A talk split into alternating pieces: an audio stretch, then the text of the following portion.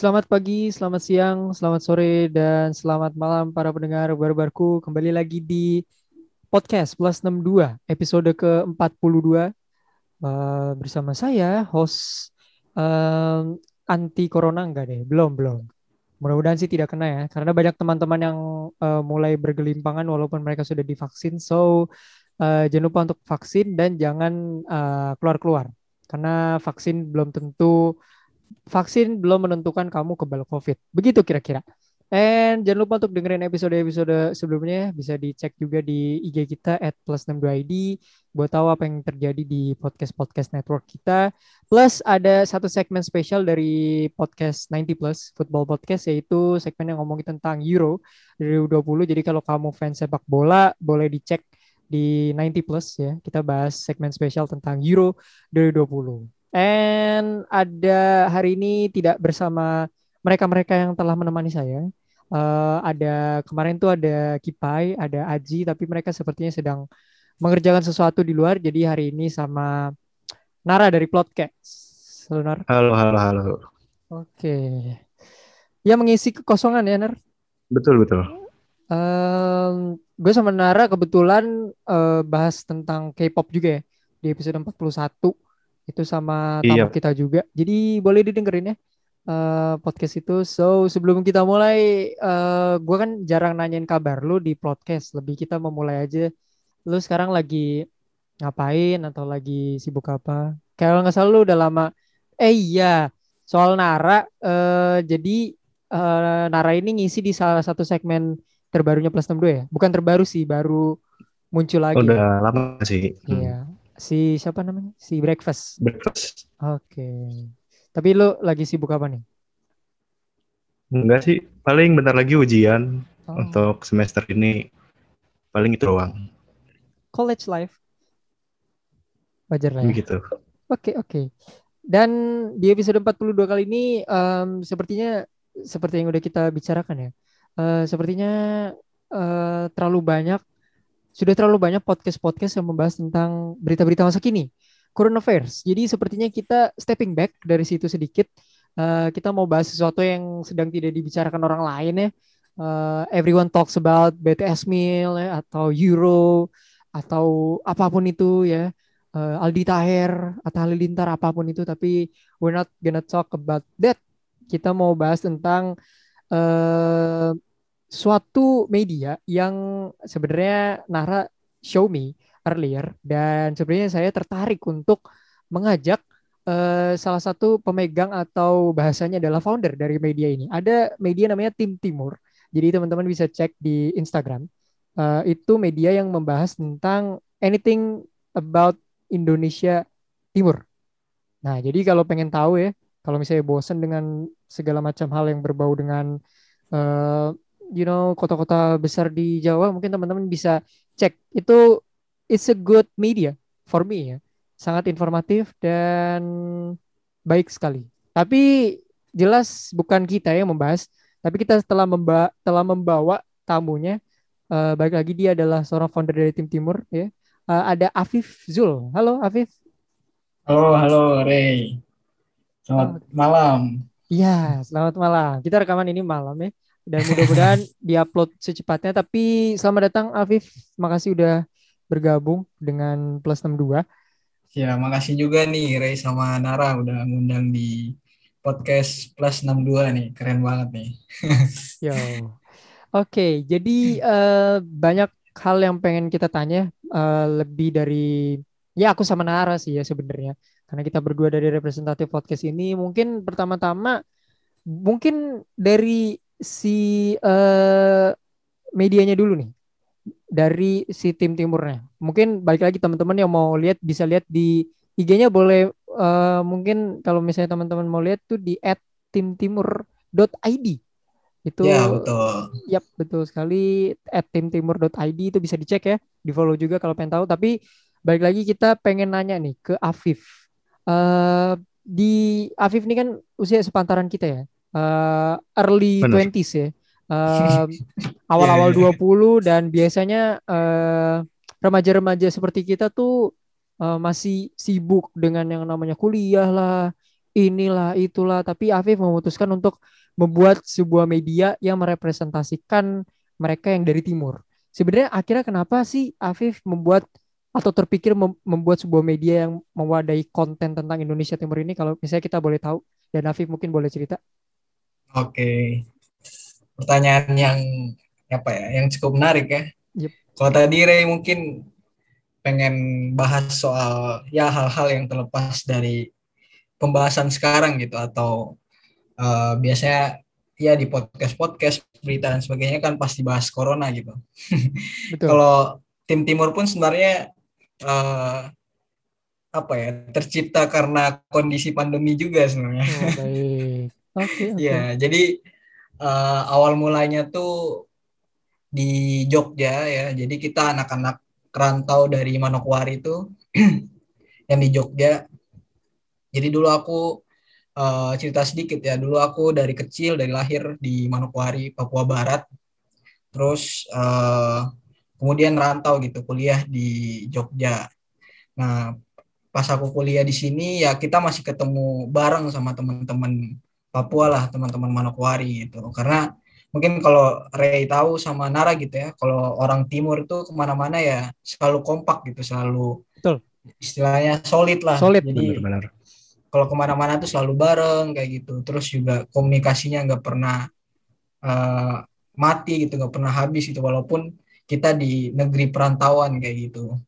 Nah nah dari uh, cerita rantau tadi akhirnya kita kumpul lah istilahnya kumpul anak-anak timur lah.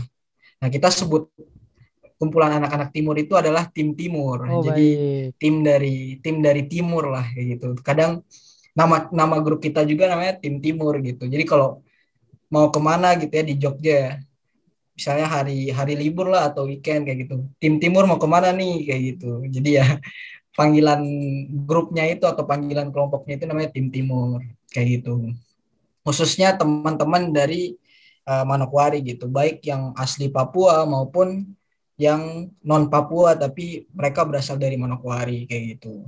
Nah, kita kumpul di Jogja dan ya kuliah di Jogja. Terus ketika itu di bulan sekitar bulan apa ya? Awal-awal corona ya, sekitar bulan April Mei lah. Nah, uh, waktu itu kita rencana mau balik ke Manokwari nih pulang bareng. Istilahnya pulkam lah. Karena rata-rata uh, baru setahun kuliah kan dan setahun eh baru semester malah semester kuliah. Habis itu ya kita kompak pengen balik ke Manokwari lah. Dan sebelum balik ke Manokwari itu kita anak-anak tim timur ini rencana mau buat suatu program gitu. Suatu program pendidikan di Manokwari jadi kita pengen ya istilahnya mungkin kalau di kampus-kampus ya kayak ormada-ormada gitulah. Tapi okay. kita kita belum berbentuk ormada, kita hanya ya sekedar anak-anak nongkrong Papua aja gitu, anak nongkrong Manokwari gitu. Nah kita rencana mau buat program pendidikan di Manokwari gitu, khususnya di Papua Barat. Nah eh, programnya apa? Programnya kita pengen eh, sosialisasi gitu atau enggak buat semacam seminar lah, seminar di sekolah-sekolah gitu ya di Papua Barat di Manokwari gitu ya untuk uh, apa ya bahas soal pentingnya pendidikan gitu di luar Papua gitu. Kadang kan uh, menjadi problem besar juga ya anak-anak Papua gitu ya. Terutama yang asli Papua tuh mereka kebanyakan ya gitu takut merantau gitu ya, takut uh, keluar dari kampungnya gitu. Mungkin karena uh, susah menyesuaikan diri kayak gitu ya. Nggak bisa bergaul sama istilahnya orang luar lah kayak gitu. Nah makanya kita pengen ngasih tahu nih kayak gitu bahwa kita anak-anak Papua anak-anak rantau gitu ya di tanah Jawa itu ternyata kita banyak sekali dapat ilmu kayak gitu. Banyak sekali dapat pengalaman dan sebagainya gitu. Dan mungkin bisa jadi contoh buat adik-adik yang mungkin nanti pengen lanjut kuliah di Jogja khususnya kayak gitu. Nah, waktu itu kita sudah rencanakan itu gitu ya, sudah uh, istilahnya udah diskusi banyak lah soal program seperti itu gitu. Nah, namun ketika itu uh, uh, seranglah pandemi gitu dari nggak oh. tahu dari oh. Wuhan atau dari mana gitu ya. Akhirnya lockdown kan. Hmm. Dan kebetulan waktu itu Manokwari sempat tutup gitu sempat tutup penerbangan terus ya bandara tutup terus apa pelabuhan juga tutup gitu. Ya udah akhirnya kita anak-anak Manokwari anak-anak Papua Barat nih eh, istilahnya bingung lah mau ngapain gitu udah udah rencanakan program dan sebagainya gitu tapi akhirnya gagal. Nah kemudian uh, ya sudah akhirnya kita mikir-mikir kira-kira untuk pengganti program ini apa gitu. Jadi uh, setidaknya walaupun kita nggak bisa balik gitu ya kita bisa ya berkontribusi untuk uh, tanah kelahiran kita sendiri kayak gitu Betul. ya udah habis itu ngobrol-ngobrol gitu ya ini juga konsep ini pun tim timur lahir karena ya karena tongkrongan di Jogja gitu khususnya di angkringan di burjo dan sebagainya gitu hmm. ya udah muncul ide buat uh, apa platform ini gitu platform timtimur.id ini. Nah awalnya pun sebenarnya uh, konsep timtimur.id ini berasal dari ini juga berasal dari keresahan kita juga anak-anak timur gitu. Kadang kita yang apa merantau ke Jawa gitu ya atau merantau keluar Papua gitu pasti ya banyak pertanyaan yang mungkin eh, nggak uh, sesuai gitu dengan kenyataan pertanyaan-pertanyaan yang istilahnya apa ya tidak sesuai fakta gitulah. Hmm. bahkan waktu itu saya ketika rantau pernah ditanya sama teman gitu Viv di Papua ada TV nggak? Kayak gitu. Ada ada serius? serius? Ada Metro TV nggak? Kayak gitu sampai ditanya Metro TV loh serius? Oh. iya sampai kayak gitu. Okay. parah pa, parah banget kan. Sampai teman-teman yang lain juga cerita kayak pernah juga ada yang ditanya eh keluargamu masih masih pada pakai koteka atau enggak kayak gitu. Padahal kan uh, apa ya banyak banyak mindset uh, terutama orang-orang di luar Papua yang berpikir bahwa ya Papua tuh tertinggal kayak gitu. Ya kita ngobrol soal keresahan-keresahan kampus lah kayak gitu. Keresahan-keresahan kita awal-awal merantau kayak gitu. Ya udah akhirnya gimana nih? Coba kita kayaknya bisa bisa buat uh, apa ya sesuatu yang mungkin itu bisa uh, istilahnya mengubah mindset orang-orang nih, orang-orang di terutama yang luar Papua ya tentang pandangan mereka ke Indonesia Timur kayak gitu. Kadang kan masih banyak gak sih orang-orang memandang wah orang-orang Papua nih jahat-jahat semua kayak gitu orang-orang Papua tuh apa terbelakang kayak gitu primitif dan sebagainya itu kan masih hmm. banyak gak sih mungkin Ray sama Nara Betul. paham soal itu lah beberapa teman gitu Benar-benar. Nah kayak gitu. Nah makanya dari keresahan itulah kita coba buat nih sekaligus pengganti uh, program kita yang udah kita buat kayak gitu, yang di mana uh, sebelumnya kita pengen berkontribusi langsung kan ke daerah asal kita gitu. Tapi ya karena pandemi, lockdown kita nggak bisa ke mana-mana ya udah kita pikir bahwa uh, ternyata kita bisa bisa berkontribusi gitu nggak harus ke tempat asal kita gitu melalui ya media sosial semacam saat ini ya yang uh, siapa sih yang nggak main Instagram siapa sih yang nggak main media sosial yang lain kayak gitu kan. Ya sudah akhirnya muncullah ya udah kita buat ini aja tim timur.id gitu. Awalnya kepikiran ini sih awalnya tuh kepikiran uh, bukan tim tim bukan tim timur tapi apa ya kalau nggak salah uh, apa ya waktu itu ya info eh bukan bukan uh, Pace Pace Timur apa kalau nggak salah okay. jadi Pace itu kan sebutan bro lah bro hmm. untuk eh, orang-orang timur kayak gitu nah tapi eh bukan bukan Pace Timur Pace Papua gitu Pace Papua kan karena ya kita dari Papua gitu jadi kayak bro Papua gitu cuman setelah dipikir-pikir lagi kayaknya kalau kita pakai Paci Papua ya terlalu spesifik orang Papua Betul. kayak gitu. Sedangkan uh, timur itu kan luas ya, ada Maluku, ada NTT dan sebagainya gitu. Kalau misalnya kita hanya stuck di Papua uh, sayang sekali gitu. Sedangkan kita di Jogja pun biasanya main sama anak-anak NTT juga, main sama anak-anak Maluku kayak gitu dan mereka punya keresahan yang sama gitu. Ya udah akhirnya kita buat tim timur aja gitu. Gimana kita bisa menjangkau uh, timur Indonesia yang lain gak hanya Papua kayak gitu ya udah akhirnya kita buat bentuk tim kayak gitu ya karena ada beberapa teman tim uh, teman dari timur juga yang jago desain terus juga jago apa edit foto dan sebagainya gitu ya. Sudah kita manfaatkan itu. Itu sih awal mulanya Ray sama Nara. Hmm, menarik menarik. Good, uh, all around ya. Jadi semua semua teman-teman yang ikut ke tim timur tuh benar-benar bahu membahu untuk membuat media ini ya Iya, iya. Oke, oke. Dan uh, ternyata ya aku juga baru sadar sih karena ketika ngeliat di Instagramnya aku nggak ngeliat tanggal berapa kalian berdiri kan. Ternyata kalian tuh baru juga. Baru, baru banget tuh. Baru banget ya. Oke, oke. Wow, bagus Bulan banget. Mei kalau nggak salah. Wow, wow. Oke, oke. Um, well, ya bisa dilihat ya balik lagi teman-teman karena uh, ini yang tadi Afif sudah bilang mereka benar-benar bikin karena ingin uh, mewakili ya um, teman-teman dari Indonesia Timur di mana mereka membuat sebuah media di mana media ini yang memang gampang untuk uh, reach orang-orang di luar sana yang masih belum mengerti uh, tentang sebenarnya apa sih tadi yang terjadi di Indonesia Timur ya. Termasuk tadi statement dari Afif kalau ada yang nanya ternyata kalau di Papua itu ada TV ada Metro TV itu salah satu menurut aku pertanyaan yang agak uh, agak melenceng ya, agak agak bodoh sekali ya. Sebuah pertanyaan yang seharusnya tidak bisa ditanyakan. Tapi menurut Nara gimana Nara? Iya, jadi sebenarnya banyak sih orang-orang kayak gitu yang agak sentris gitu. Jadi mereka ya hanya tahu dan mungkin hanya peduli sama apa yang ada di daerahnya mereka gitu.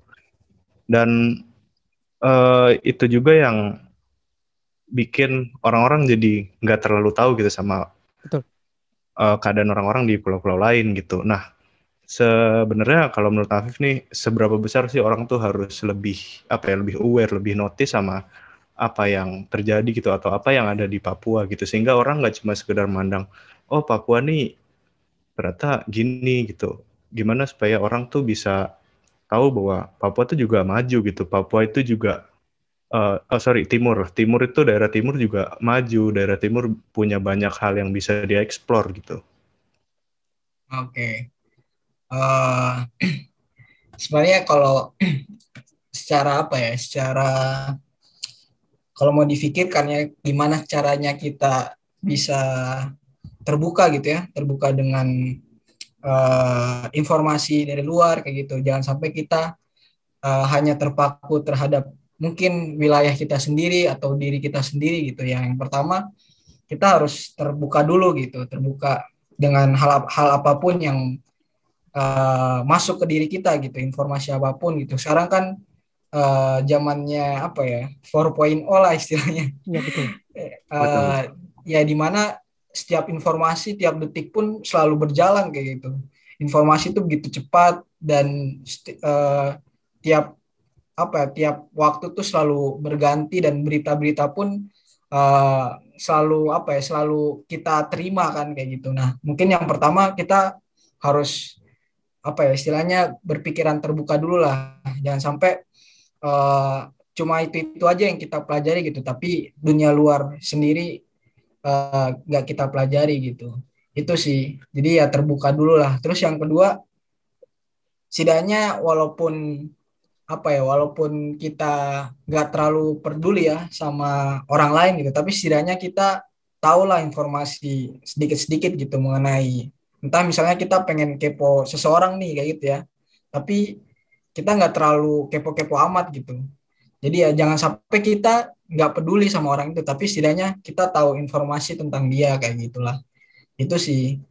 Terus gimana sih caranya uh, apa tim timur ini bisa apa ya bisa ngasih informasi yang baik gitu buat eh, orang-orang di luar timur gitu khususnya orang-orang di luar Papua kan. Karena tim timur ini memang kita rata-rata anak Papua dan uh, teman-teman kita ya karena berasal dari Manokwari ya Papua Barat. Jadi kita memang di awal pengen uh, informasikan mengenai Papua dulu gitu. Dari Papua terus kita sebar ke uh, informasi di Maluku kayak gitu ya, Maluku, NTT dan sebagainya. Mungkin uh, jarang orang beritakan gitu, jarang orang dengar terutama daerah-daerah 3T lah kayak Papua, NTT, Maluku kan kayak gitu. Mm -hmm.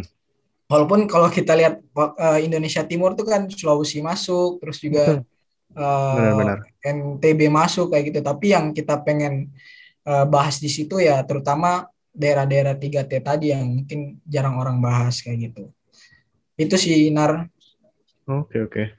Uh, dan sebenarnya kan kayak yang uh, Afif bilang tadi bahwa masih ada orang yang istilahnya sorry itu saya memandang sebelah mata lah daerah timur gitu kayak dari segi pertanyaan nanyanya di sana ada TV atau enggak atau di sana bisa uh, ada sinyal buat nonton TV atau enggak gitu sebenarnya uh, mungkin kamu tahu gitu kenapa sih orang-orang tuh kadang masih suka memandang sebelah mata gitu daerah timur dan mungkin kamu juga punya semacam apa ya cara untuk mengedukasi, mengedukasi orang supaya mereka nggak lagi memandang sebelah mata daerah timur ini gitu.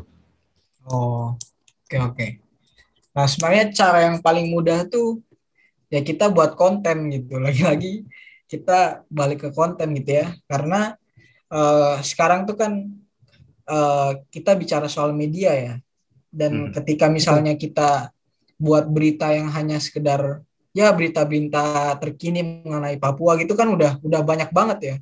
TV One, terus mungkin Metro TV, belum lagi yang info-info Papua yang uh, memang berita uh, apa istilahnya perusahaan-perusahaan berita atau perusahaan-perusahaan media yang dari Papua itu kan udah banyak banget gitu. Nah, kita sebenarnya tujuan utama kita tuh bukan bukan di situ gitu, bukan kita kejar tayang, wah ada berita ini nih hari ini di Papua gitu, terus kita ngasih tuh enggak. Tapi fokus kita adalah mengedukasikan orang-orang tentang timur itu sendiri gitu. Bagaimana uh, pandangan mereka atau mindset mereka tuh bisa terubah gitu. Nah itu itu yang sebenarnya jadi tujuan kita. Makanya eh, rata-rata konten-konten kita tuh berbeda dengan uh, apa media yang lain ya yang mungkin bahas berita terkini kayak gitu konten kita tuh rata-rata ya bahas soal apa sih yang orang penasaran tentang Papua gitu atau apa sih yang orang salah apa ya pandang soal Papua atau soal Timur kayak gitu.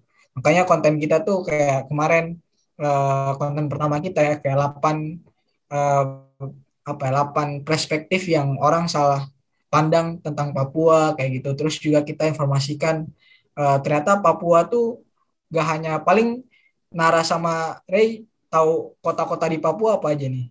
Aku mau nanya dulu nih. Uh, mungkin ya kalau di Papua tuh kalau dari aku pribadi tahunya Jayapura, nah, Jayapura. Uh, Manokwari, uh, Wamena. Wamena. Mungkin segitu ya, segitu. Nah, kayak gitu. Paling ya Jayapura, Manokwari, Wamena atau enggak uh, Freeport gitu ya. Kadang hmm, orang hmm, hmm, betul, kalau kita betul. tanya uh, apa yang kalian tahu tentang Papua ya itu Freeport, terus mungkin terakhir Raja Ampat kayak gitu. Nah, sebenarnya uh, ada potensi-potensi wisata, terus juga uh, potensi lokal yang di Papua tuh jarang jarang dibahas kayak gitu bahkan media-media pun nggak bahas kayak gitu nah itu yang semuanya pengen kita angkat kayak gitu itu sih Nar sama Ray oke oke berarti tidak semata-mata tim timur ini memberikan informasi terkini apa yang terjadi di enggak, enggak. Papua di Maluku di Indonesia Timur tapi memberikan lebih ke grand scale-nya ya dalam skala luas apa yang sebenarnya ya, harus orang ketahui tentang Indonesia Timur. Jadi bukan sekedar uh, membuat konten yang asal comot ya, tapi membuat konten yang mengedukasi orang-orang tentang uh, siapa, apa, kenapa, mengapa yang apa ya, pokoknya apa pun yang terjadi lah di Indonesia Timur dan uh, balik lagi kalau menurut pendapat aku pribadi sangat-sangat membantu sekali karena tidak banyak sebenarnya orang yang dalam tanda kutip peduli dengan apa yang terjadi di Indonesia Timur. Dan tadi Afif sampaikan kalau kita yang kita lakukan adalah menekankan dalam konten. Berarti sebenarnya kan butuh content creator dari uh, teman-teman tim timur atau mungkin dari teman-teman Indonesia Timur lainnya. Tapi apa sih yang seharusnya uh, dilakukan?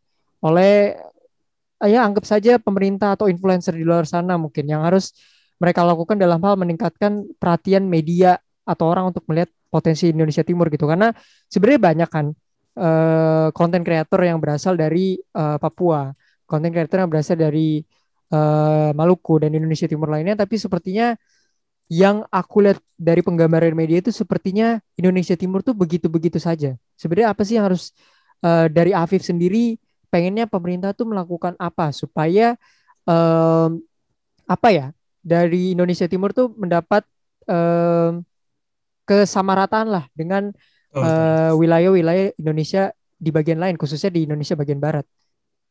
Oke, okay. uh, ini sebenarnya uh, apa ya jawaban yang kalau misalnya mau dijawab ya cukup panjang gitu. Secara historis pun dulu ya, dulu mm -hmm. uh, kita kalau kita bicara media ya dulu banyak sekali media-media uh, di timur gitu ya di Papua yang memang dulu informasinya terbatas kayak gitu dan menurut uh, saya pun sebenarnya bukan bukan terbatas sih justru dibatasi gitu karena ya banyak kan kalau mungkin Ray dan Nara tahu gitu soal kasus HAM gitu ya terus iya, soal iya, iya. kasus uh, apa uh, media-media gitu ya reporter-reporter yang di mungkin di disabotase sama tentara atau sama pemerintah gitu ini juga sudah sudah terjadi sejak dulu kayak gitu. Jadi ini apa istilahnya sejarah yang panjang lah kalau kita bicara soal peliputan media di Papua gitu khususnya gitu. Nah tapi uh, untuk saat ini sih menurutku ya menurutku ya sudah banyak informasi sih dan banyak juga media-media yang sudah sudah istilahnya udah inilah udah banyak menginformasikan soal Papua lah uh, wisata, terus uh, mungkin budaya dan sebagainya gitu. Cuman kadang uh, berita-berita itu pun ya hanya hanya sekedar kulitnya doang gitu. Tapi untuk jauh lebih dalam gitu ya, untuk tahu uh, misalnya kalau kita bicara soal budaya gitu, untuk tahu budaya itu lebih dalam tuh ya belum belum terlalu konsen ke sana gitu. Dan rata-rata ya mereka ya media-media sekarang tuh ya hanya sekedar cari apa ya istilahnya cari adsense lah kayak gitu sedangkan Betul. Ya, sedangkan sebenarnya yang dibutuhkan uh, apa ya suatu media yang mungkin ingin menginformasikan soal Papua tuh yang gak hanya sekedar itu gitu. Tapi kita butuh sesuatu yang itu mungkin bisa mengubah pandangan orang-orang kayak gitu. Nah kalau pertanyaan Ray tadi uh, sebenarnya siapa yang harus dilakukan pemerintah gitu ya khususnya Papua yang mungkin dipandang ya sebelah mata gitu ya atau enggak uh, banyak sekali apa ya kesenjangan gitu ya antara Papua hmm, informasi hmm, Papua betul. dengan yang lain gitu. Menurut saya uh, yang paling utama adalah ini sih lebih ke bagaimana pemerintah itu bisa mengajak anak-anak muda Papua kayak gitu. Nah ini yang sebenarnya menjadi konsentrasi uh, tim Timur juga. Makanya rata-rata uh, 80% lah 80% anak-anak tim Timur ya asli ya asli Papua kayak gitu. Maksudnya orang-orang Papua gitu. Makanya kita uh, walaupun ada beberapa teman-teman yang sudah saya ngajak dari Jawa ya ada dari ada dari Jakarta juga terus ada yang dari bahkan dari Sumatera juga ada teman kayak gitu. Kita ngajak gabung ke tim Timur gitu. Nah, itu yang sebenarnya mungkin menurut saya uh, pemerintah harus fokus ke pemberdayaan anak-anak muda gitu. Karena ya kebanyakan ya mereka pemerintah tuh rata-rata ya kalau mereka mandang Indonesia Timur tuh ya udah tertinggal gitu ya. Konteksnya Indonesia Timur ini tertinggal gitu. Ya udah kita bangun fasilitas saja nih, bangun uh, apa pembangunan ini ini ini gitu. Tapi secara sumber daya manusia tuh mereka nggak fokus ke situ gitu. Padahal kalau kita lihat eh, semacam di Manokwari ya, di Manokwari itu ya pembangunan banyak gitu. Bahkan kantor bupa apa kantor gubernur di Papua Barat yaitu oh jauh jauh lebih megah daripada mungkin kantor-kantor gubernur di di ini di Jawa kayak gitu. Hmm, betul. Tapi ya untuk pengelolaan uh, sistem di misalnya pemerintahan di sana nah itu belum belum berjalan dengan baik gitu nah mungkin menurut saya uh, pemerintah bisa fokus ke pemberdayaan sumber daya manusia tadi gitu. Gimana kualitas terutama anak-anak muda ya anak-anak muda timur yang punya potensi gitu ya. Dan uh, itu bisa dikulik lebih dalam nah pemerintah bisa bisa fokus ke sana gitu. Nggak hanya soal pembangunan tadi gitu. Kayak sebenarnya yang Papua butuhkan tuh bukan bukan uang gitu. Kadang kan ya udah kita dikasih dana otsus ya kalau Ray sama Nara tahu gitu Mhm. dana yang Mhm. khusus untuk daerah-daerah 3T gitu daerah-daerah spesial termasuk eh, Aceh sama DIY ya tapi dana otsus terbesar itu kan di Papua gitu triliunan gitu nah dana itu pun walaupun tiap tahun dikasih pemerintah ya tidak terlalu tidak terlalu berpengaruh juga gitu tidak terlalu apa ya tidak tidak sesuai istilahnya tidak sesuai harapan eh, anak-anak Papua lah kayak gitu Betul, karena betul. ya mungkin kurang merata tadi nah makanya yang paling penting itu tadi bukan soal ngasih uang tadi bukan soal bangun-bangun tadi tapi bagaimana pemerintah bisa fokus ke eh, sumber daya manusianya gitu terutama melalui anak-anak muda gitu itu Hmm. sih Ray sama Nara Oke oke. Kan eh, tadi ngomongin soal sumber daya. Eh, sebenarnya kalau di dari timur kan sumber daya alam tuh melimpah dan juga seperti yang Vivi bilang tadi bahwa fasilitas itu udah diberikan dengan cukup banyak gitu. Tapi sebenarnya di daerah timur sendiri potensi anak mudanya itu sendiri gimana sih? Oke. Kalau potensi anak muda di timur tuh bisa dibilang eh, orang-orang timur itu ya, mereka tuh rata-rata punya semangat belajar yang tinggi gitu. Apalagi eh, saya akui teman-teman yang merantau ya, mereka tuh sebenarnya punya semangat belajar yang tinggi tadi, pengen belajar sesuatu tuh istilahnya mereka fokus lah, fokus dan berusaha gitu. Tapi ya kadang eh, yang jadi kesulitan tuh yaitu kadang ketika misalnya sudah sudah apa ya sudah bergeser lah dari tujuannya ya udah mereka saling Hmm. ngajak gitu ya saling ngajak. Karena tahu sendiri lah sifatnya orang timur tuh kan kompak ya kalau satu rusak semua rusak gitu. Kalau satu baik ya semua baik kayak gitu. Nah itu yang mungkin menjadi menjadi apa ya masalah juga ya. Tapi kalau lihat potensi anak-anak muda Indonesia Timur tuh cukup luar biasa gitu. Kayak teman-teman saya teman-teman di Manokwari gitu ya yang jago edit video gitu ya jago eh, apa ya talenta-talenta yang mungkin sekarang dibutuhkan ya. Hmm, ada di Termasuk- sana. eh, termasuk eh, menulis konten dan sebagainya itu banyak. Banyak gitu. Bahkan yang tulis-tulis konten di eh, tim timur gitu ya. Terus termasuk desain videografer dan sebagainya itu, itu teman-teman dari timur gitu. Itu baru baru salah satu contoh kecil gitulah teman-teman di Manokwari itu. Belum lagi di Jayapura belum lagi di kota-kota besar lainnya gitu Sorong dan sebagainya gitu. Nah artinya eh, potensi anak muda Papua tuh sangat besar gitu apalagi dengan semangat belajarnya mereka lah untuk eh, mempelajari sesuatu tuh sangat sangat antusias lah istilahnya kayak gitu. Itu apalagi kalau kita bicara soal olahraga gitu Hmm, bahkan saya waktu waktu kecil gitu ya dari kecil sampai eh, sekolah dan sebagainya gitu ya kita kalau kalau sehari aja nggak main bola tuh rasanya aneh gitu. Makanya orang-orang timur tuh ya mereka olahraganya jago lah olahraga apa pun lah soal fisik tuh paling jago gitu.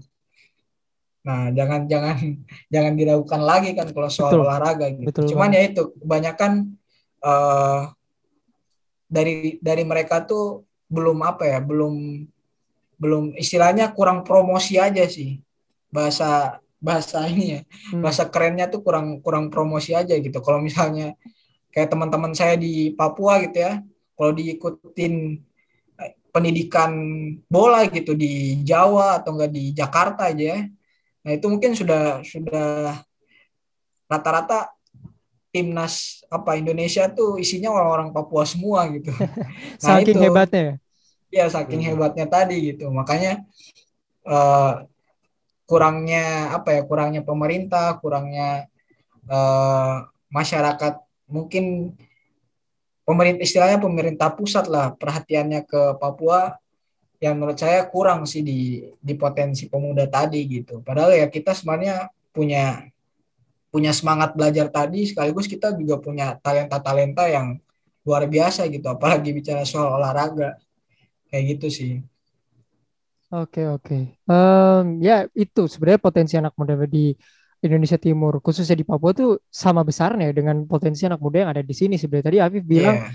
anak di anak-anak muda di Manokwari bisa mengedit video, di mana sebenarnya mungkin orang-orang yang eh, pemikirannya masih primitif mungkin akan bertanya lagi ya, emang di sana bisa punya ini, emang ini, emang ini. Jadi itu sebenarnya hal yang sebenarnya cukup eh, umum di sana ya, dengan anak-anak muda bisa melakukan hal yang sebenarnya mungkin jauh lebih baik bisa mereka lakukan dibanding anak-anak muda yang ada di kota-kota besar di Indonesia Barat. Dan tadi Afif bilang adalah bagaimana meningkatkan kualitas SDM ya promosi ya. Anak-anak muda sangat butuh untuk dipromosikan kemampuan mereka. Mereka perlu yang namanya pendidikan A sampai Z yang bisa memenuhi eh, kebutuhan mereka, hobi mereka, termasuk tadi salah satunya adalah sepak bola.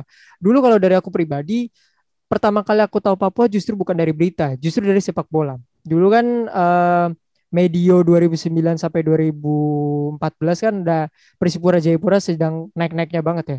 Bahkan Betul. mereka sampai ke babak perempat final AFC Cup di mana pada saat itu mungkin di saat yang sama tidak ada tim Indonesia lain yang bisa menyamai eh, prestasi itu di masa yang sama ya. Dan melihat apa yang sudah pemain-pemain Papua lakukan itu justru menjadi influence sendiri untuk orang-orang di luar sana untuk mengetahui bagaimana Papua sebenarnya.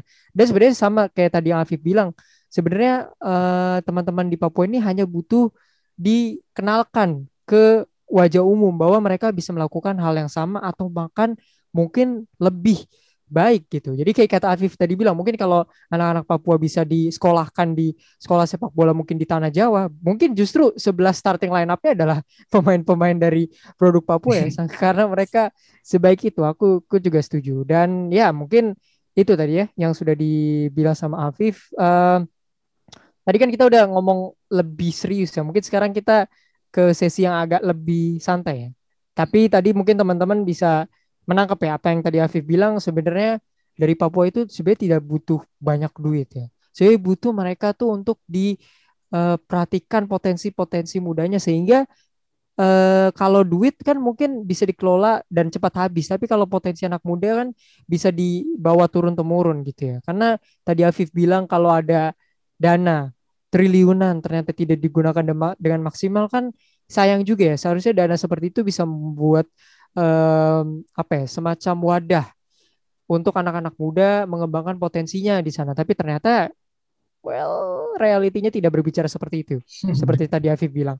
Eh, kita menuju ke sesi trivia mungkin ya. Ini agak ringan-ringan sedikit. Mungkin ya tadi ya seperti tadi Afif bilang tidak terlalu banyak eh, orang-orang kurang notice sama apa yang terjadi di Indonesia Timur. Dan kita mungkin khususnya ngomongin soal Papua dan daerah-daerah sekitarnya. Mungkin ada beberapa trivia nih yang kita akan menanyakan soal hal-hal yang perlu orang ketahui. Tapi sebelum nanya ke Afif, mau nanya ke Nara dulu nih. Soal mungkin kita ngomongin tentang makanan khas daerah timur.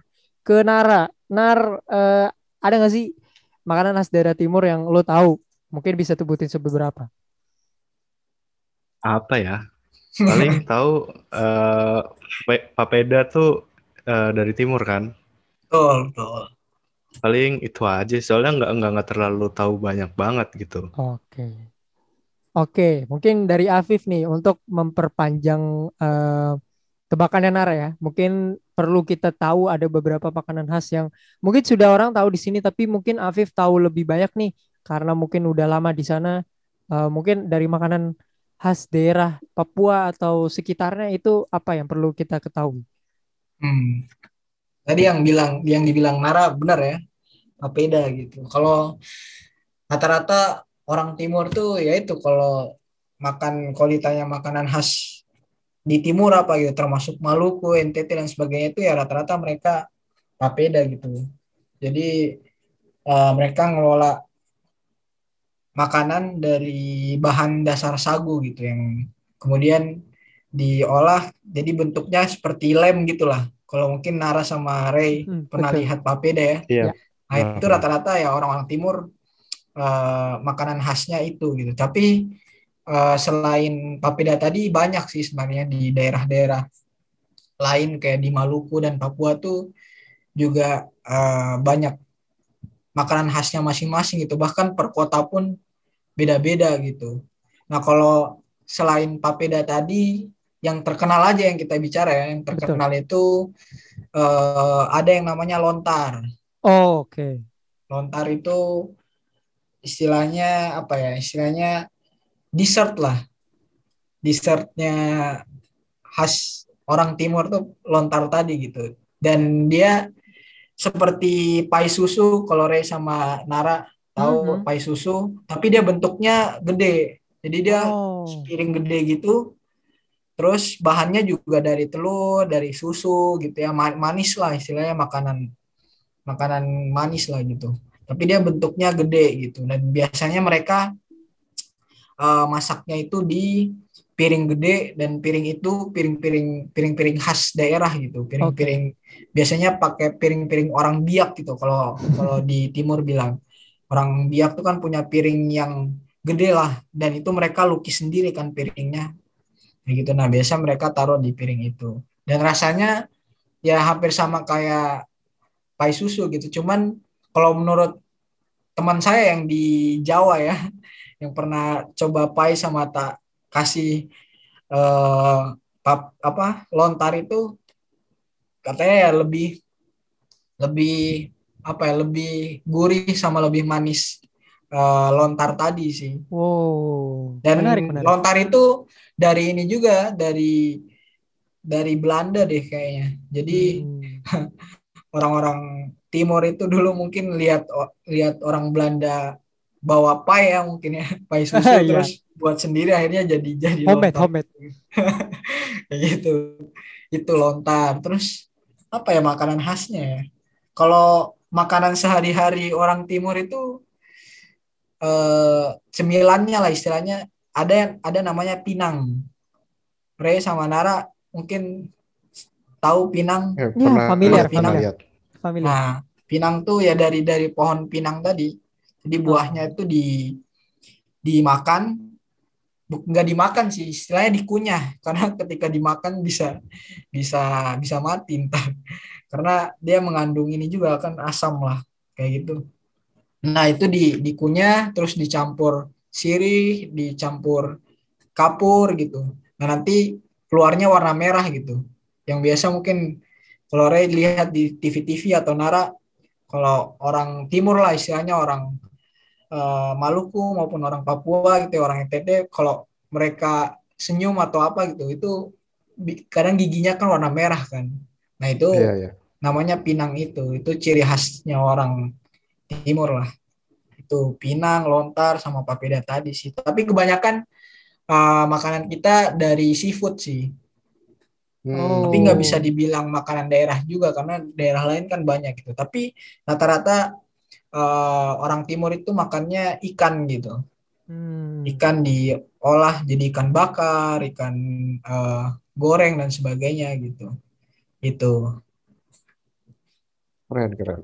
Uh, mungkin selain dari makanan ya, biasanya orang tahu daerah timur tuh kalau dari baju deh. Baju khasnya orang taunya cuma koteka aja. Sebenarnya kan di daerah timur tuh kan juga banyak ya orang macam-macam dari berbagai suku. Uh, mungkin selain dari itu ada nggak sih kayak baju tradisional atau baju khas dari daerah timur yang kamu tahu gitu? Atau mungkin ada uh, batik khas dari timur gitu? Oh kalau baju ya rata-rata bajunya baju ini sih. Kalau baju khas itu kan dari dari anyaman kulit ini ya dari anyaman kalau dulu kan masih ada masih ada kanguru ya dulu ya nah itu dipakai tuh kulitnya kanguru buat baju kayak gitu. Kalau sekarang rata-rata dari rusa kayak gitu, dari hmm. dari hewan lah. Itu tuh bajunya, terus juga celananya juga. Terus yang jadi khas itu uh, ada yang namanya noken. Kalau Ray sama Nara, nah noken itu tas khas Papua gitu, tas asli Papua. Dia terbuat dari akar dan akarnya tuh beda-beda gitu. Kalau tergantung sukunya ya, ada yang suku misalnya suku A gitu dia dia kalau suku Arfak itu biasanya pakai akar uh, pohon apa ya? Kalau semacam pohon beringin gitulah. Oke. Okay. Nah kayak gitu itu tergantung uh, sukunya tadi. Kalau di Wamena itu biasanya mereka pakai uh, akarnya bakau kayak gitu. Dan itu mereka rajut dijadikan tas gitu. Nah, tas itu namanya uh, tas noken tadi. Bahkan noken itu udah punya ini, udah punya udah menjadi ini kan ikon istilahnya ikon nasional dan di dan diakui ini UNESCO bahkan. Jadi okay. jadi uh, barang inilah barang uh, asli dari masyarakat inilah masyarakat suku kayak gitu dari noken itu. Nah kalau di pedalaman itu mereka biasanya pakai noken untuk uh, bawa sayur gitu yang gede terus mereka ikat di ikat apa nyantolin di kepala kayak gitu. Atau enggak bawa babi. Babinya ditaruh di noken. Oke okay, uh, bawa atau enggak bawa anaknya anaknya ditaruh di noken kayak gitu. Nah itu jadi khasnya orang Papua lah kalau di Jawa sini kan rata-rata anak-anak muda pakai noken juga sih cuman ya noken-noken kecil gitu hmm, tapi sejatinya noken tuh bukan hanya tas kecil doang gitu kayak tas samping yang kecil itu enggak tapi ya bisa ngangkut sayur ngangkut hewan dan sebagainya gitu itu itu untuk pakaian khasnya. Terus juga dulu tuh uh, kalau mungkin sekarang udah dilarang ya. Dulu tuh ada topi khas Papua juga, tapi topi itu dari cendrawasih gitu. Oh, iya pernah kan, lihat, pernah lihat. Karena sudah langka ya. Jadi uh, udah nggak boleh ini lagi buruh lagi. Tapi dulu banyak waktu saya SD itu banyak orang-orang jual di pasar gitu topi dan itu dari dari burung cendrawasih asli gitu. Hmm. Itu banyak banget dijual gitu. Tapi sekarang kan sudah tidak di ya. lagi itu. Itu sih mengenai pakaian. Oke, oke. Oke, oke. Eh, selanjutnya ke budaya. Menurut aku pribadi budaya orang Papua itu sangat-sangat unik dan menyenangkan. Tapi mungkin ada beberapa yang aku nggak tahu. Jadi mungkin Afif bisa uh, memberitahu beberapa budaya-budaya di Papua yang mungkin uh, pendengar uh, wajib untuk tahu. Oke. Apa ya? Kalau soal budaya kan banyak ya. Kalau di Papua tuh kan ada ratusan suku gitu dan dari suku-suku itu pun budayanya beda-beda sendiri gitu. Tapi yang unik ada beberapa sih mungkin yang uh, pemirsa perlu tahu gitu. Kalau yang pertama apa ya di Biak, saya lupa namanya budaya apa gitu. Tapi ini budaya asli suku Biak okay. dan bisa dibilang ini menjadi contoh bahwa orang Papua tuh lebih apa ya? Papua tuh lebih dari Indonesia kayak gitu. Gimana sih? Saya orang Papua tuh lebih Indonesia lah daripada okay. apa itu, apa itu? daripada uh, mungkin orang lain gitu. Nah, jadi di suku Biak itu ketika mereka mau menikah ya, mau menikah itu wajib ada uh, pemberian gitu, ada mas kawin. Nah, yang wajib dijadikan mas kawin itu adalah bendera merah putih gitu. Oh, baik baik asli baik. asli budaya suku Biak gitu. Jadi kalau misalnya wow. uh, Ray mau nikah sama perempuan Biak gitu ya. Hmm, menarik. Harus bawa bendera merah putih gitu ke ke apa rumah perempuannya gitu. Tapi kalau ketika misalnya nggak ada bendera merah putih itu ya udah nggak bisa nggak bisa menikah. Nah itu jadi syarat utama bendera merah putih itu baik, untuk baik uh, pernikahan oh. orang suku Biak gitu. Selain wow. tadi ya piring-piring mereka gitu ya, terus sama pernak-pernik yang lain. Kayak gitu. Itu luar biasa sekali sih di di Biak gitu. Nah itu juga bisa menandakan bahwa orang Papua tuh Indonesia banget gitu. Betul. Kadang kan mereka mikir, wah Papua nih OPM nih OPM gitu, pengen pisah dari Indonesia. Tapi lihat dulu budayanya suku Biak tuh, salah satu contohnya aja tuh, bahwa mereka ketika mau nikah ya mas kawinnya tuh salah satunya adalah bendera merah putih gitu. Itu kan luar biasa kan. Itu apalagi ya uh, budaya yang unik ya. Mungkin yang sering terdengar itu ya di Wamena itu ada yang rumahnya rumah mereka tuh di di atas pohon gitu ya rumah di atas pohon. Saya juga lupa namanya apa. Itu itu juga uh, biasanya disoroti media lah banyak kayak gitu itu terus uh, sama ini sama hewan babi oke okay. nah hewan babi itu spesial di Papua gitu babi oh. itu di saya di Papua tuh hewan kesayangan lah Kalau Oke. di kalau di Jawa apa ya? Kalau di Jawa paling sapi, ayam gitu ya. Mhm. Tapi kalau di di Papua tuh babi itu jadi jadi hewan ternak paling disayang lah istilahnya. Oke. eh, mas kawin Mas- tadi juga ya, Oh. mas kawin orang Papua tuh rata-rata eh, babi juga gitu. Mereka ngasih mas kawin babi, terus bahkan ada beberapa suku yang mereka menyusui babi Oh, ya. menarik, Jadi menarik, menarik. mereka nyusuin nyusuin mungkin kalau Nara sama Ray Google tuh kayaknya masih ada deh. Jadi eh, ibu-ibu di pedalaman sana ya, Mhm. mereka tuh nyusuin Hmm. babi gitu. Sama hampir sama kayak mereka nyusuin anaknya gitu. Jadi babi itu jadi jadi hewan spesial lah di Papua gitu di istilah di agung-agungkan lah. Bahkan dulu tuh ada budaya gitu di Manokwari juga saya pernah rasakan eh, dulu ketika kalau sekarang mungkin udah enggak ya udah enggak. Tapi dulu tuh ketika eh, orang nabrak babi ya orang nabrak nabrak babi terus meninggal gitu. Nah itu eh, apa penggantinya atau sebagai apa ya sebagai istilahnya syarat pengganti babi tadi itu uang kan dan uang itu tuh dihitung berdasarkan jumlah susu dari babi itu sendiri gitu Hmm.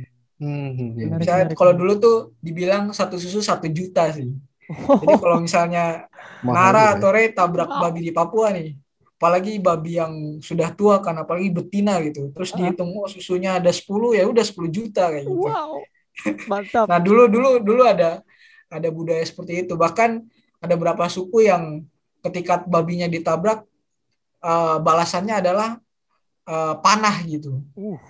Jadi Nara misalnya tabrak babi nih di di jalan suku apa gitu ya. Terus ya udah nanti Nara ganjarannya Nara harus dipanah gitu. Nah dulu Wow. tuh masih banyak kayak gitu budaya-budaya kayak gitu. Bahkan di di jalan itu ada tanda gitu, ada kayak semacam palang gitu ya. Nabrak babi, hati-hati nabrak babi dipanah kayak gitu. ada ada ada semacam eh, istilahnya penanda jalan kayak gitu. Oke, oke, oke. Menarik, menarik. Keras sekali ya. Wah, buat Anda-Anda di luar sana yang bilang Jakarta keras, Anda dengar dulu cerita ini keras sekali. Mau dipanah gara-gara nabrak babi. Kalau di Jakarta kan kita yang nabrak, kita yang eh, ini ya, yang kesel. Tapi Iya, ya begitulah, begitulah. Eh, Iya, satu lagi nih. Eh, mungkin kita perlu tahu sedikit ya. Untuk beberapa tokoh mungkin orang mudah lah untuk menggoogle siapa eh, putra putri bangsa dari Papua yang bersinar. Tapi mungkin ada beberapa tokoh yang underrated bahasanya atau perlu kita ketahui nih. Mungkin dari Afif tahu beberapa di tim timur eh, ada postingan beberapa tokoh ya eh, yang ada rubrik bagian suara dari timur kalau tidak salah. Itu Hmm. aku baca lumayan menarik juga tapi dari Afif mungkin bisa memberikan satu atau dua tokoh atau apa ya eh dalam tanda kutip seleb dari eh, Papua yang perlu kita ketahui yang punya influence cukup bagus gitu. Hmm. Eh, sebenarnya banyak sih talenta talenta talenta eh, anak muda timur lah dan rata-rata orang timur tuh yang terkenal ya yang terkenal di timur di di Indonesia Timur tuh rata-rata mereka yang eh, justru punya talenta istilahnya talenta yang cukup luar biasa lah terutama anak-anak rapper nih Oke. mungkin gak asing ya Nara sama Ray. Jadi rata-rata Oh, iya, rapper-rapper kalau di Papua itu kan banyak banget tuh rapper-rapper tuh. Bahkan di tiap-tiap kota tuh eh, kadang eh, banyak kontes-kontes apa rapper kayak gitu ya, kontes buat lagu dan sebagainya dan ada beberapa lagu yang cukup terkenal gitu ya di di Indonesia gitu. Kayak saat akan berpisah karena susah ya kayak Oh, gitu. oke, Itu oke. terkenal Iya, nggak Oh iya tahu tahu. Hmm, lumayan, lumayan. Nah, itu itu salah satu rapper di Manokwari itu kebetulan adik kelas SMP saya itu yang nyanyi. Oh, Dan ini- yang terkenal rata-rata itu sih, rata-rata eh, tadi rapper tadi di di Papua gitu. Tapi kalau misalnya tokoh siapa ya tokoh ya? Kalau Billy Mambrasar mungkin Ray sama Nara udah tahu ya. Staf em, khusus aku presiden. kurang familiar sih untuk namanya ya, sepertinya. Tapi kalau misalnya dikasih fotonya mungkin aku tahu. Nah, Oke, oke. dia ada salah satu pemuda terbaik juga dari Papua, Billy Mambrasar. Beliau lulusan Harvard sama Oxford ya. Wow, wow. Oke. Nah, sekarang jadi staf khusus presiden gitu. Terus mungkin yang terkenal ada Noella, penyanyi ya, Iya, Hmm. tahu. di Indonesian Idol. Selain itu ada eh Angelica. Jadi Angelica tuh beliau selebgram Papua lah. Oke. Di di mungkin terkenal juga di beliau juga apa termasuk brand ambasadornya ini Kejaksaan Negeri gitu, Kejaksaan Wow. Tinggi Negeri. Oke, oke. Keren ya. itu itu itu terus juga ada namanya eh kakak Steph Mara nah kak Steph tuh dia lulusan apa lulusan pertahanan Universitas apa pertahanan ya dan dari awal beliau dapat beasiswa full gitu dan sekarang eh, beliau juga kerja di di kayaknya kalau nggak salah di Kementerian Pertahanan deh itu itu juga luar biasa gitu dan banyak sih sebenarnya eh, orang-orang top gitu yang mungkin jarang teman-teman tahu. Ada juga yang eh, kerja di kalau nggak salah semacam semacam NASA gitu. Di Oh. dia kalau di Amerika kan NASA ya, tapi Iya. ini dia kerjanya di di Eropa. Hmm, baik, baik. Saya lupa namanya namanya apa gitu. Nah, itu ada ada orang Papua yang kerja di sana. Itu. Dan kalau misalnya Ray sama Nara tahu, kalau dibandingkan ini ya, dibandingkan apa penggunaan apa istilahnya eh apa ya menggunakan media sosial itu ya, kalau rata-rata dibandingkan orang orang luar Papua sama di Papua tuh justru orang-orang Papua tuh lebih menurut saya lebih banyak mereka interest terhadap itu terhadap media sosial gitu. Jadi rata-rata eh, anak-anak di Papua tuh followersnya tuh nggak nggak 100, nggak 200, Hmm. tapi rata-rata tuh followers mereka ribuan lah. Wow. Iya, saking eh, mereka interest banget sama media sosial gitu. Bahkan follower saya yang banyak pun sekarang dari rata-rata dari dari anak-anak Indonesia Timur gitu. Hmm. Gak tahu sih, saya juga belum belum belum pernah teliti juga tuh soal itu. Kenapa sih orang-orang Timur tuh rata-rata followers mereka nggak nggak sekecil apa ya nggak nggak nggak nggak terlalu sedikit nggak terlalu Hmm. sedikit nggak Hmm. nggak nggak seperti teman-teman di Jawa mungkin ya ada beberapa kayak teman kita teman-teman kuliah gitu ya mereka ya followersnya mungkin 200 300 400 tapi rata-rata ya anak-anak muda di Manokwari atau di Papua gitu itu rata-rata mereka followersnya udah 2000 3000 gitu Wow. Solid dan sih. ketika diteliti juga nggak beli nggak beli followers kayak gitu tapi ya Hmm. itu Saling mengikuti satu sama lain Nah, saling ya, mengikuti berarti. satu sama lain Oke, itu oke. sih Menarik, menarik. Oke, itulah eh, beberapa sedikit trivia yang mungkin teman-teman perlu ketahui ya dari Afif. Kita menuju ke segmen terakhir nih. Eh, mungkin ini balik lagi agak personal untuk Afif. Eh, mungkin lebih ke selama Afif kuliah nih di Jogja ya. Eh, mungkin boleh cerita dari Afif atau Afif yang lihat atau cerita dari teman pernah nggak sih eh, ada experience atau pengalaman di Jogja ataupun di mana pun kalian berada eh, ketika kalian merantau pernah nggak sih kalian ada cerita atau dari Afif sendiri dapat eh, diskriminasi dari teman-teman eh, yang asli di sana gitu asli di tempat yang kalian rantau? Misalnya kalau di Jogja atau di Bandung atau di mana pun pernah nggak sih Afif dapat eh, diskriminasi atau cerita-cerita diskriminasi dari teman-teman? Hmm. Oke, kalau cerita diskriminasi sebenarnya banyak sih, gak hanya gak hanya dari kalau misalnya konteks mahasiswa ya, gak hanya mahasiswa ke mahasiswa, tapi bahkan dosen pun semuanya ada kayak gitu. Ada juga, eh, oh ini yang paling klasik nih ya di di di Jogja, di Surabaya dan rata-rata orang-orang timur di mana pun berada di Jawa gitu ya, ketika merantau yang paling sulit orang timur temukan itu adalah kos-kosan. oh ada apa ya Iya, mungkin iya. boleh ceritain sedikit Karena rata-rata eh, orang-orang kos itu ya pemilik kos itu gak mau nerima orang timur gitu. Hmm. Bahkan saya pernah rasakan itu sendiri gitu. Waktu awal merantau ke Jogja ya. Tapi kan eh, saya belum belum belum ke Jogja gitu. Tapi orang tua sudah ke sini dulu gitu sekaligus eh, nyari kos-kosan kan. Karena kebetulan waktu ada ada dinas orang tua nyari kos-kosan gitu. Terus ketika nanya-nanya kos gitu ya. eh, bapak kosnya nanya gitu, dari mana mas? Gitu, dari mana pak? Gitu ya, dari dari Papua gitu, saya mau mau ngasih ngekos anak saya dari Papua gitu ke sini, terus ya rata-rata pasti pasti mereka nanya, oh Papua, aduh. Eh, apa?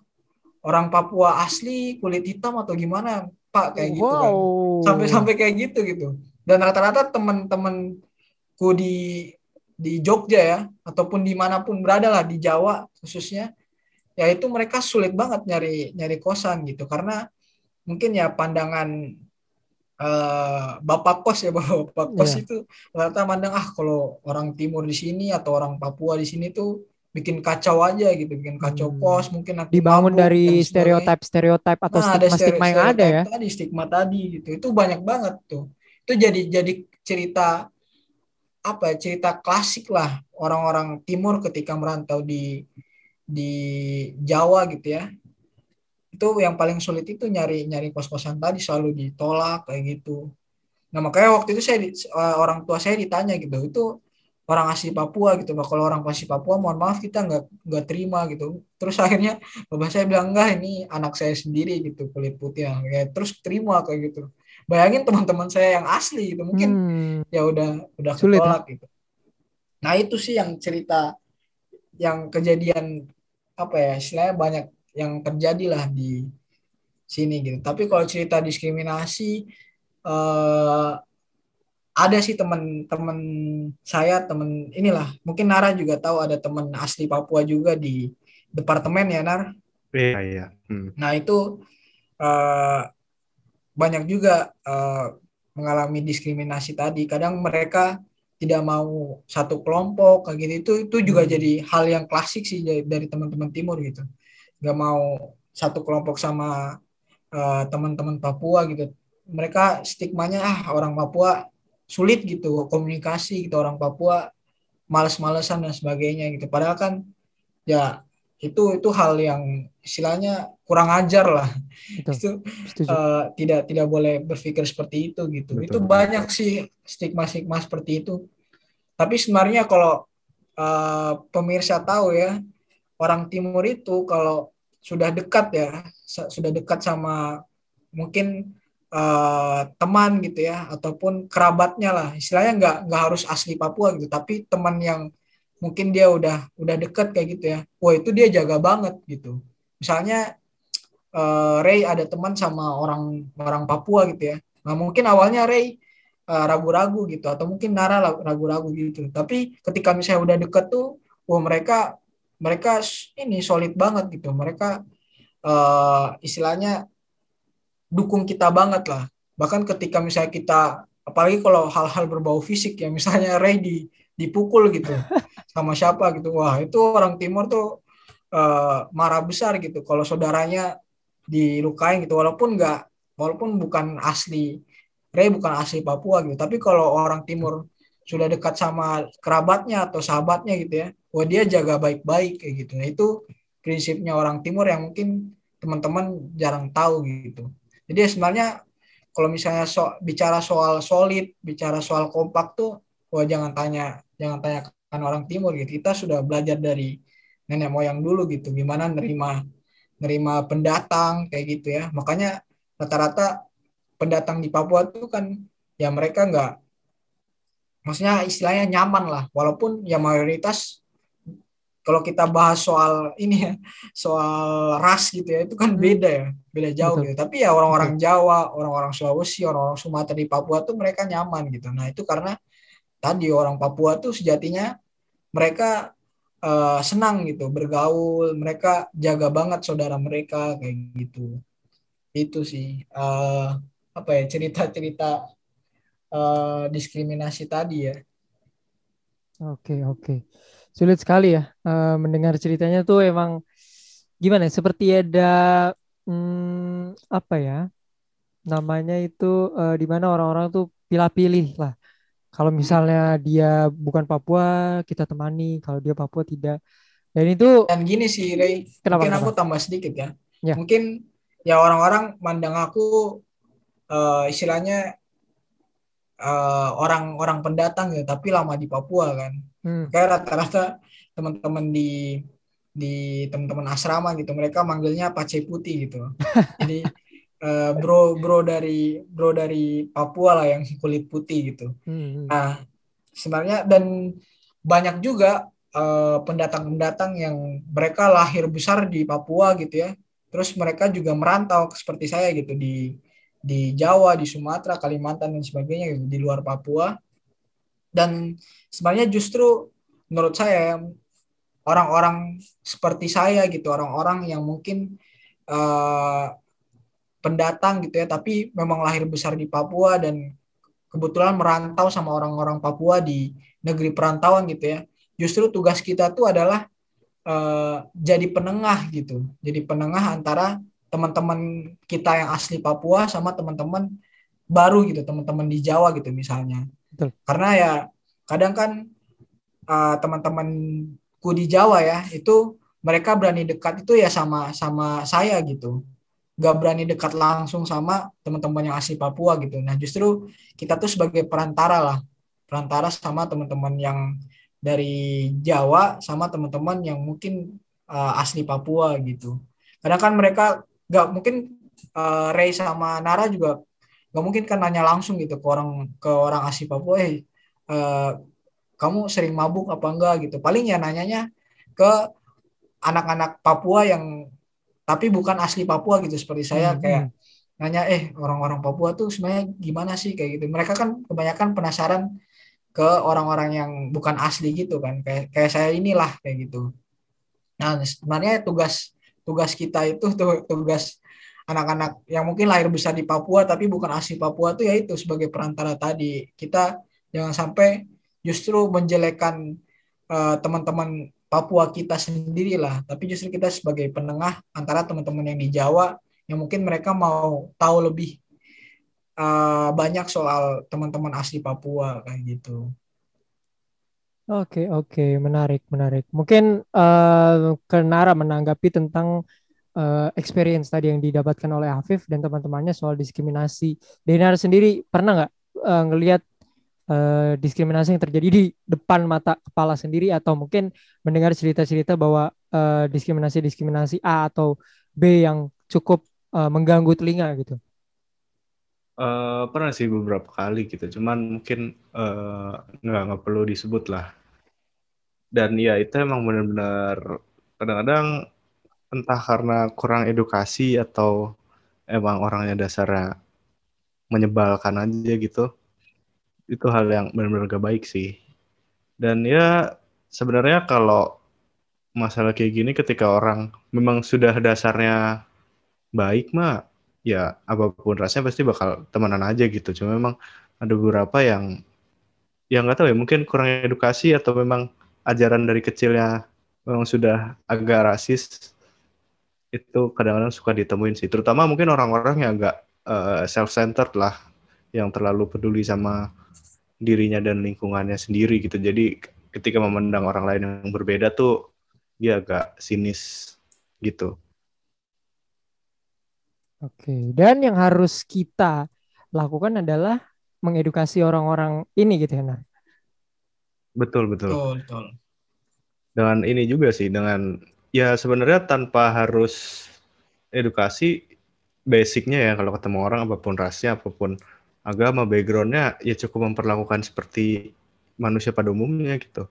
Kenalan, temenan, kerja bareng, selesai gitu tanpa perlu, oh kok kamu orang ini ya, terus kita berpikir yang macam-macam itu kan sebenarnya nggak perlu gitu. Dan kadang-kadang ada beberapa stereotype yang jahat gitu kepada orang-orang atau ras tertentu yang bikin orang-orang jadi kena diskriminasi gitu yang mungkin kita nggak perlu lah mikirin soal stereotip-stereotip itu berteman berteman aja gitu sama siapa pun lah tanpa harus memandang backgroundnya mereka apa betul betul betul. Common sense lah ya harusnya untuk kenal Iya, sama orang tuh betul. nggak usah lihat dari apanya dulu, tapi bagaimana kita pengen mengenal orang itu gitu, secara mungkin lebih dekat apa melihat apa pun gitu ya. Karena kadang kita sebagai manusia tuh tidak pernah memanusiakan manusia lain gitu ya. Jadi itu susahnya. Susahnya di situ gitu. Tapi well itulah ya eh, cerita mungkin dari Afif yang udah bergabung dengan kita ya. Jadi buat teman-teman di mana pun mendengarkan ya, eh, itulah eh, mungkin dari apa yang sudah diceritakan sama Afif dari Papua, khasnya dan segala macam sampai ke diskriminasi yang terjadi gitu, termasuk dari potensi-potensi anak muda yang sebenarnya bisa digali lebih jauh dan eh, pesan dari eh, saya pribadi sebagai host ya dan tentu orang yang ber eh, in charge di podcast ini tentu kita pengen sekali untuk memberitahu eh, orang-orang di luar sana bagaimana anak muda Papua ini juga punya potensi yang sama loh. Dan ketika mereka memutuskan untuk mencari peruntungan di tempat lain tuh mohon untuk tidak dipikir yang aneh-aneh gitu ya. Dan sebaliknya tentu kepada teman-teman eh, Papua atau teman-teman Indonesia Timur yang ingin mencari peruntungan di sini juga untuk eh, apa ya untuk eh, melakukan sesuatu sesuai yang diamanahkan dan jangan melakukan hal-hal di luar yang tidak diinginin. Karena tentu saya teman-teman dari Indonesia Timur khususnya teman-teman dari Papua kan juga merep- merepresentasikan eh, tanah yang kalian sudah tinggalkan. Jadi eh, kita ya yang penting tuh tinggal hidup sama-sama mengenakan gitu kan seharusnya enak ya tapi tentu Betul, ada betul. satu Betul. dua orang yang berusaha untuk mencari eh, yang berusaha untuk igniting the light gitu ya kalau eh, mencari keributan kalau tidak ada keributan itu tidak asik gitu ya. Oke, eh, lastly mungkin ya terakhir dari Afif. Eh, mungkin aku pengen nanya apa sih selanjutnya yang akan dilakukan oleh tim Timur? What's next untuk tim Timur gitu? Oke. Em, sebenarnya cita-cita kalau kembali ke visi misi ya tim Timur itu kan pertama kita eh, pengen mengedukasikan gitu, mengedukasikan seluruh masyarakat Indonesia ya, atau bahkan dunia gitu eh, tentang eh, cara pandang mereka, terus juga mindset dan stigma mereka itu tentang Papua tuh biar eh, lebih ke arah ya yang baik-baik gitulah, lebih ke bagaimana mereka bisa lihat bahwa Papua itu punya potensi yang besar, anak-anak muda kita hebat-hebat, terus sumber daya alam kita juga luar biasa, wisata kita, budaya kita gitu ya. Bahkan eh, apa ya, suku kita, terus juga kebiasaan-kebiasaan kita tuh perlu juga teman-teman luar gitu tahu dan pandang bahwa kita tuh eh, salah satu bagian dari Indonesia yang Betul. tidak boleh di, dipandang sebelah mata kayak gitu. Termasuk apa pun lah mengenai uh, sumber daya manusianya juga kayak gitu ya. Bahwa kita uh, mungkin apa ya mungkin bangsa yang berbeda gitu ya kalau di Indonesia kan ya. Kita ras kita beda gitu atau uh, bahasa kita beda kulit kita beda gitu. Tapi kita tetap bagian dari Indonesia tadi gitu makanya uh, tim Timur ini pertama kita pengen edukasikan uh, masyarakat secara luas tentang bagaimana mereka memandang Indonesia Timur gitu tadi itu tadi gitu dari potensi-potensi di Indonesia Timur gitu. Terus yang kedua kita pengen buktikan juga bahwa uh, kita anak-anak Papua tuh bisa uh, buat sesuatu yang itu mungkin anak-anak di luar Papua lakukan kayak gitu. Dan bahkan lebih baik dari itu gitu. Semacam uh, kita pengen buat platform gitu ya. Kita pengen konsentrasi ke hal-hal yang berbau IT hal-hal yang berbau apa istilahnya uh, zaman sekarang lah. Nah itu kita juga mampu bersaing gitu. Kita mampu bersaing sama teman-teman di luar Papua gitu nah maka dari itu dari tim timur ini uh, terutama anak-anak Papua ya di situ kita juga nggak hanya uh, menampilkan ciri khas kita gitu bahwa kita nih produk bahwa tim timur ini produk asli Papua loh dan ini juga cukup luar biasa gitu jika dibandingkan dengan media-media yang lain kayak gitu. Selain itu juga kita banyak belajar juga sama teman-teman di Jawa gitu ya. Makanya ada beberapa uh, anggota tim timur yang enggak asli dari Papua, bukan orang Papua gitu, tapi dari Jakarta, dari Sumatera dan sebagainya kita ngajak juga buat mereka uh, bantu juga, bantu juga mengedukasikan uh, tim kita gitu, tim dari dari tim timur ini gitu. Nah, ke depannya tim timur ini kita mau coba memberi apa ya memberi semacam istilahnya rumah lah rumah atau inkubator buat anak-anak muda Papua kumpul gitu mengekspresikan uh, potensinya mungkin kita udah paham ya bahwa Papua tuh punya ciri khas uh, rapper tadi ya nge-rap hmm. terus juga hmm, dance terus juga uh, menyanyi dan sebagainya. Nah, potensi-potensi itu kita pengen uh, mereka dijadikan dalam satu rumah gitu, satu ruang kreativitas anak Papua dan bisa mereka bisa mewujudkan itu tuh di di tim timur ini gitu. Nah, makanya nanti ke depan kita pengen buat pelatihan-pelatihan uh, ya, pelatihan-pelatihan uh, semacam gimana sih cara buat uh, konten yang baik kayak gitu, gimana sih cara desain atau secara videografer ataupun gimana sih uh, kita bisa apa ya istilahnya bisa maju lah dengan uh, zaman yang saat ini harus kita ikut kayak gitu. Teknologi lah istilahnya teknologi ke anak-anak Papua tadi nah, nanti ke depan kita pengen buat pelatihan-pelatihan itu webinar-webinar itu